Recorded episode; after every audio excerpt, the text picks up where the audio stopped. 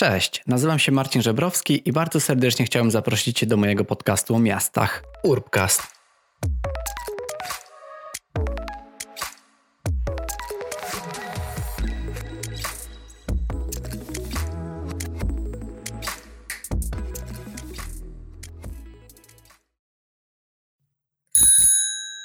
Kto najlepiej wyjdzie na pandemii? Sprzedawcy maseczek? Niewątpliwie. Osoby prowadzące szkoły online? Pewnie też. Gracze i streamerzy na YouTubie? Jak najbardziej. Ale kto ma szansę zarówno dobrze zarobić, ale także zmienić nasze miasta, a może w dłuższej perspektywie cały świat?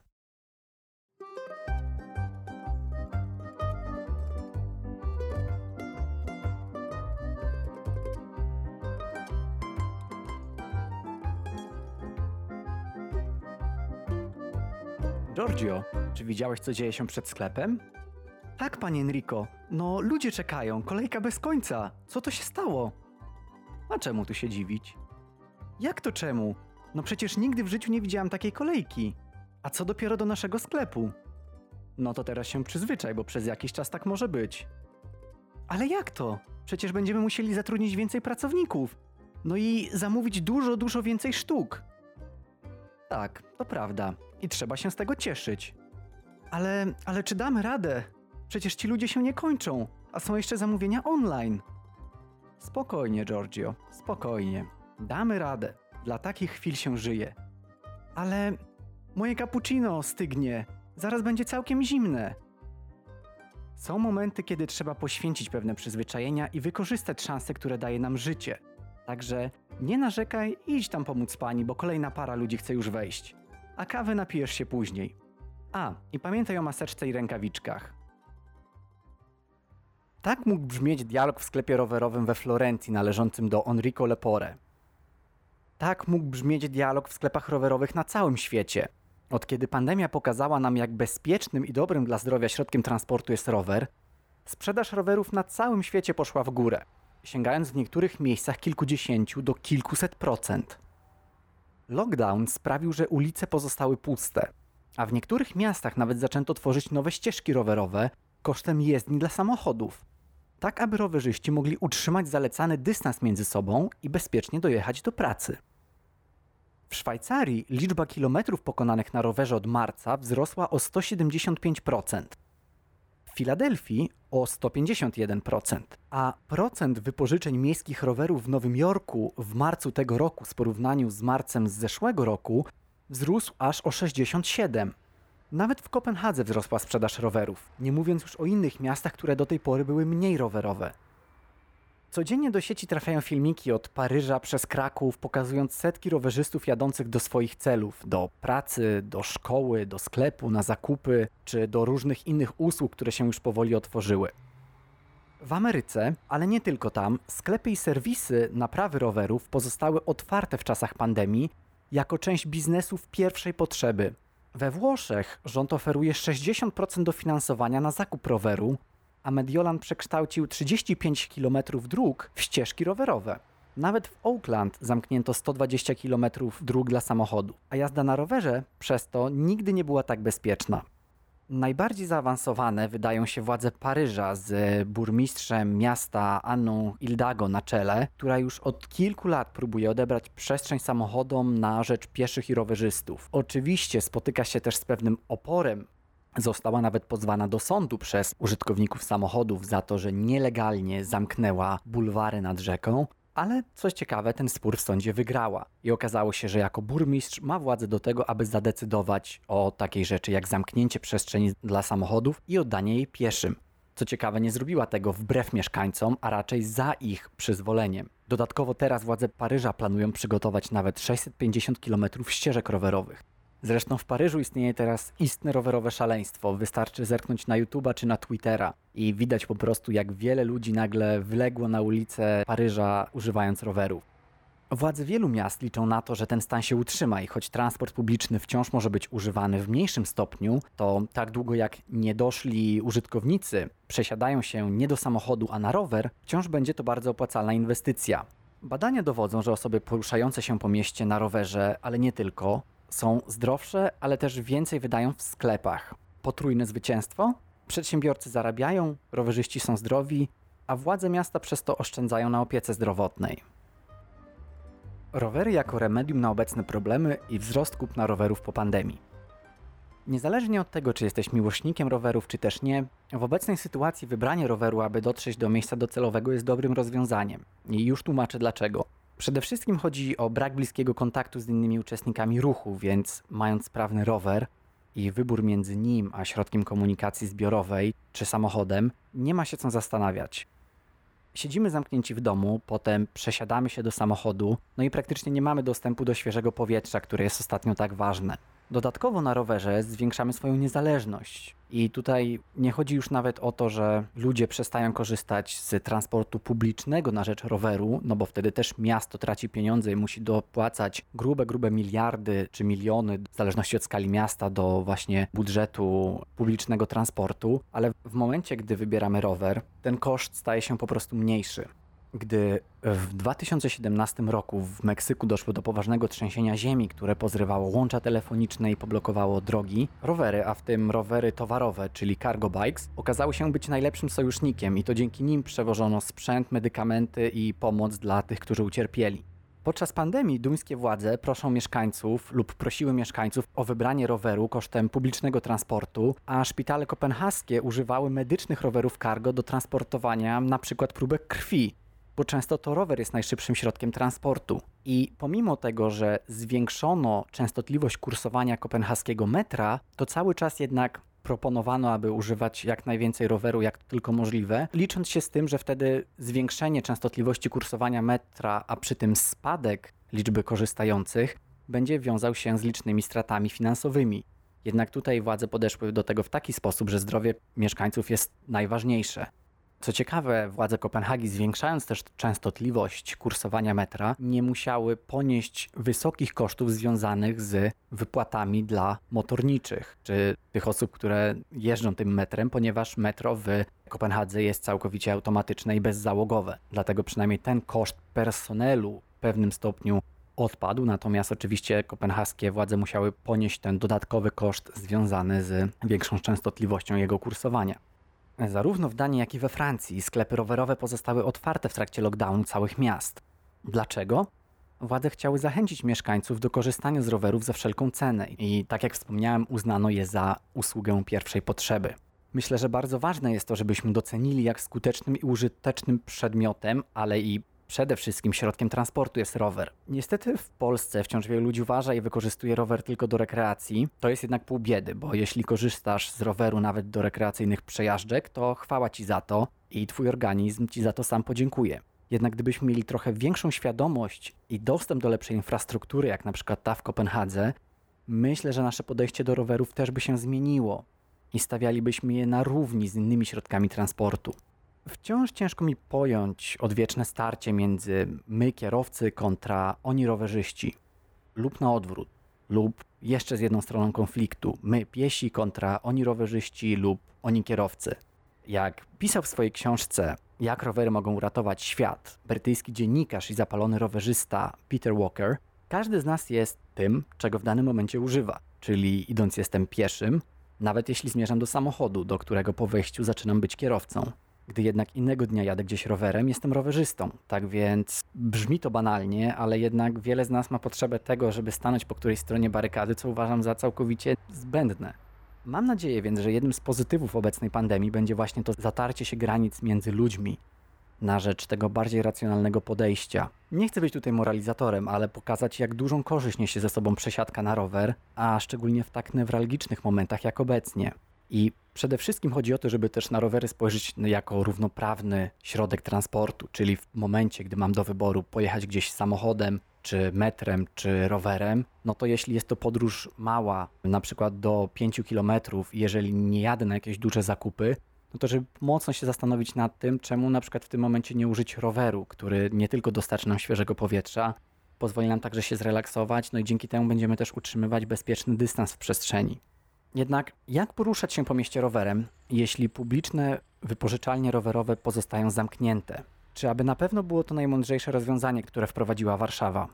Ponieważ podczas gdy nastąpił lockdown, Veturillo, czyli rower publiczny w Warszawie zniknął z ulic miasta, obawie przed tym, że ludzie, którzy by go używali, roznosiliby zarazki, na przykład na kierownicy.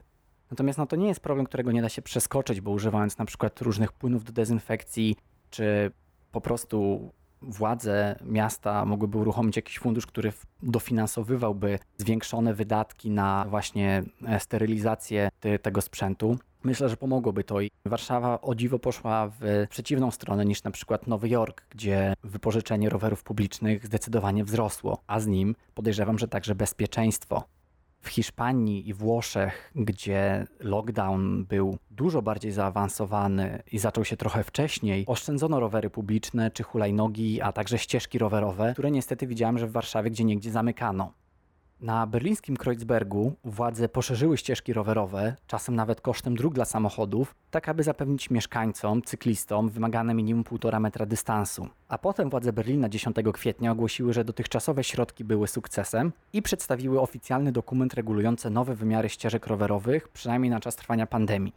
W Nowej Zelandii poszli nawet o, o, krok dalej i tutaj przygotowali pewne prawomocne poszerzenie chodników, tak aby piesi mogli zachowywać między sobą dystans i wydano nawet specjalny dokument umożliwiający takie interwencje a minister transportu Julie Anne Genter uważa, że po powrocie do normalnego życia, po okresie lockdownu, kiedy ludzie znowu będą chcieli podróżować, nie możemy wymagać, żeby ludzie wrócili do zatłoczonych autobusów i pociągów tak jak kiedyś, więc potrzebujemy alternatyw dla przemieszczania się ludzi. I co prawda ten dokument, z tego co wiem, został przygotowywany już wcześniej, zanim wybuchła pandemia, ale jednak zbiegł się idealnie w czasie z tym, że takie restrykcje w mieście czy w kraju powstały i można było ten dokument od razu wykorzystać.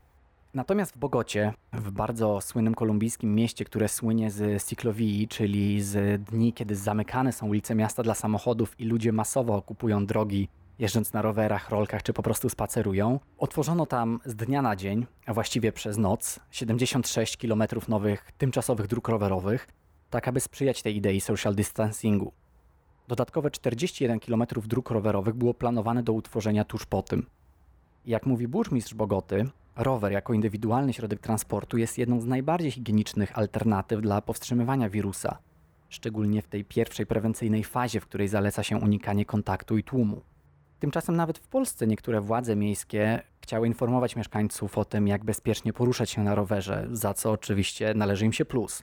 Więc władze Gdańska na oficjalnym profilu na Twitterze umieściły taką infografikę o tym, jak bezpiecznie jeździć na rowerze w czasach pandemii. Mówi ona o tym, że trzeba zakrywać usta i nos, zachowywać odstęp, czy wybierać mniej uczęszczane trasy. No nie można oczywiście pluć, czy powinno się dezynfekować ręce przy użyciu stacji naprawczej. Jeśli chodzi o to używanie rowerów i to, że są one bezpiecznym środkiem transportu, bo zapewniają ten dystans, to jest tutaj też pewna taka zagwostka, bo badanie na Uniwersytecie w Leuven i Eindhoven pokazało, że, że ta ustalona zasada dwóch metrów odstępu, owszem, działa w momencie, gdy idziemy po chodniku, ale w przypadku, gdy wzmaga się wiatr lub gdy przemieszczamy się na rowerze lub na przykład biegniemy, to w momencie, gdy jesteśmy w ruchu, mgiełka ze śliny i wydzieliny, którą za sobą pozostawiamy, może unosić się w powietrzu nawet przez kilka sekund. I w badaniu wykonano wiele wizualizacji, na których widać tą ścieżkę kropelek za osobą biegnącą. No i myślę, że tutaj jest trochę trudno to, aby jednak egzekwować taki odstęp, szczególnie jeśli jedzie się na rowerze i na przykład dojeżdża do skrzyżowania. No bo mając teraz przed oczami obrazy z Kopenhagi, jak w tym momencie już rowery naprawdę powróciły na dobre i setki mieszkańców czasem zbiera się przy takim jednym skrzyżowaniu, przy większych arteriach lub kilkanaście, kilkadziesiąt osób czeka może w mniej uczęszczanych czy, czy niegłównych arteriach, ale wciąż jest, są to duże grupy rowerzystów czekających na zmianę światła na skrzyżowaniu, no ciężko jest, aby każdy z nich utrzymywał nie tylko dwa metry odstępu, ale na przykład trzy czy cztery. Utworzyłoby to przeogromne korki rowerowe, więc uważam, że należy pamiętać o tym, że jeśli biegniemy czy jeździmy na rowerze, możemy zarażać jeśli wydzielamy tą właśnie mgiełkę ze swojej śliny na dużo większym dystansie, więc o tym po prostu należy pamiętać, ale też uważam, że dość, dość ciężko jest to egzekwować. No i tutaj pozostaje ten pomysł jeżdżenia w maseczce, ale rozmawiałem z wieloma osobami, które mówiły, że no praktycznie nie da się tego robić, nie da się jechać w maseczce, no bo od razu zaraz się dusimy, ciężko nam się oddycha, więc tutaj myślę, że no zależy, tak, jeśli czujemy się źle, musimy gdzieś pojechać na rowerze, no to myślę, że jednak obowiązkowo tą maseczkę powinniśmy mieć na sobie, natomiast jeśli jedziemy gdzieś do przyrody, czy na jakąś wycieczkę krajobrazową, na rowerze, czy idziemy gdzieś biegać do lasu, no to rzeczywiście ciężko, aby tą maseczkę dalej korzystać. No a z drugiej strony też nie chodzimy na wycieczkę rowerową czy biegać, jak czujemy się chorzy, tak? Wtedy bez względu na, na wszystko powinniśmy zostać w domu. Otwieranie ulic dla pieszych i dla rowerów. Jak już wspomniałem, Nowy Jork na początku pandemii osławił się tym, że zamknął bardzo wiele ulic dla samochodów, tak aby stworzyć większą przestrzeń dla mieszkańców i wiele osób popierało to rozwiązanie, szczególnie to, co się wydarzyło na Manhattanie, gdzie było wiele zdjęć pokazujących, jak ulice są całkowicie opustoszałe, ale za to piesi używają pełnej szerokości całej ulicy. Czasami są to dziesiątki metrów, więc idzie naprawdę utrzymać ten, ten bezpieczny dystans. No i co prawda powoli już te zmiany na powrót zostają odwrócone, czyli umożliwia się przemieszczanie samochodom, ale Nowy Jork na pewno nie pozostaje obojętny na kreowanie nowej przestrzeni dla pieszych czy dla ludzi, którzy chcą iść do restauracji coś zjeść. Aby przeskoczyć trochę bliżej do Europy, władze Budapesztu zdecydowały się na ustanowienie tymczasowych dróg rowerowych na trasach do centrum miasta. Celem jest zapewnienie mieszkańcom możliwości łatwego i bezpiecznego poruszania się po mieście w dobie pandemii. Władze Budapesztu uważają, że rower jest odpowiednim i bezpiecznym środkiem transportu na czas koronawirusa, ponieważ wielu Węgrów zdecydowało się przesiąść na rower. Władze miasta uznały za konieczne szybkie dostosowanie infrastruktury drogowej do ich potrzeb. Również w Warszawie Stowarzyszenie Miasto jest Nasze postulowało o to, aby przeznaczyć chodniki dla pieszych, aby usunąć parkowanie z chodników, aby cały czas rozwijać infrastrukturę rowerową. Mam nadzieję, że takie apele będą pomocne i władze miasta przychylnie będą patrzeć w stronę takich zmian. Jak sprawić, aby boom na rowery nie był chwilowym trendem? Morten Kabel, przewodniczący European Cycling Federation, czyli Europejskiej Federacji Rowerowej, a także CEO think tanku rowerowego Copenhagen Ice, uważa, że najważniejsza jest inwestycja w infrastrukturę, tak jak to miało miejsce lata temu w Kopenhadze. Autor artykułu How Lockdown Converted the World to Cycling and the Speed Bumps That Lie Ahead, którym się teraz opieram realizując ten odcinek, uważa też, że ważne jest inwestowanie w parkingi rowerowe, co robi na przykład Utrecht, posiadający największy w Europie, jeśli nie na świecie, wielopoziomowy parking rowerowy na 33 tysiące rowerów, zbudowany przy głównej stacji kolejowej. Byłem tam, robiłem zdjęcia i muszę powiedzieć, że robi naprawdę ogromne wrażenie ale nie zgadzam się z autorem tego artykułu, że ta rola parkingów rowerowych jest tak istotna, bo takie fizyczne parkingi to też ogromne inwestycje i pieniądze, a też lata na zbudowanie. No i nie każde miasto jest tak rowerowe, żeby móc poświęcić tak dużą część budżetu na zbudowanie wielkiej infrastruktury rowerowej. I tutaj mówię to w oparciu o to, że w Kopenhadze nie ma zbyt wielu takich parkingów i wszystko funkcjonuje dobrze nie chowa się rowerów z przestrzeni miejskiej do szafy, czyli do parkingu. Wystarczy spojrzeć na stację metra i pociągu Noreport, gdzie rowery dosłownie zalewają ten ogromny plac, bo tysiące ludzi codziennie dojeżdża tam na pociąg, ale rowery nie zagracają tej przestrzeni, bo stoją w wyznaczonych miejscach dookoła stojaków. I po prostu Kopenhaga dostaje też ten wygląd, ten image miasta rowerowego przez to, że te rowery po prostu są wszędzie. No i zazwyczaj ludzie jednak stosują się do pewnych zaleceń, opierają te rowery o ściany budynków, wkładają w stojaki, opierają o drzewa, ale no nie uświadcza się tego za często, żeby rowery były gdzieś porozrzucane po mieście czy chodnikach. No chyba, że jest akurat silny wiatr i rower się przewróci, ale nie zdarza się to aż tak często. Więc dużo ważniejsze jest to, żeby ludzie poczuli się bezpiecznie jeżdżąc na rowerze, a nie to, czy zostawiają swój rower oparty o stojak czy budynek, czy w zadaszonym budynku, parkingu przeznaczonym tylko do parkowania rowerów.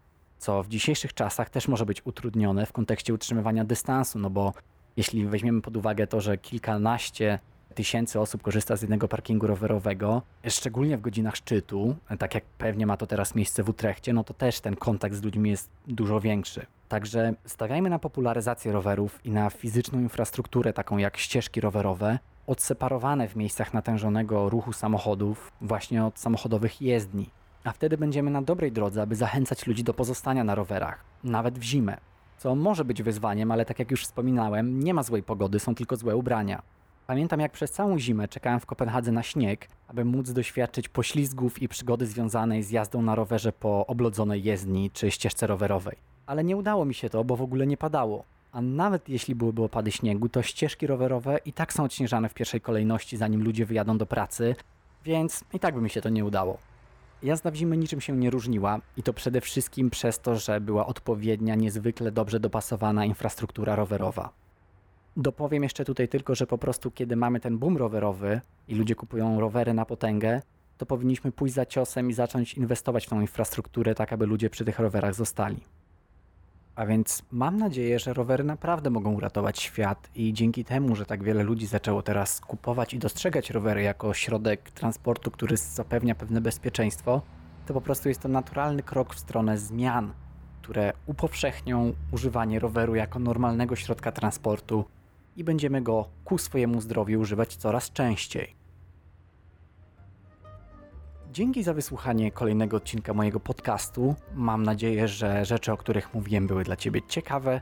Mam nadzieję, że historyjka prosto ze sklepu rowerowego we Florencji Ci się podobała i że usłyszymy się w przyszłym tygodniu. Także dzięki wielkie i do usłyszenia.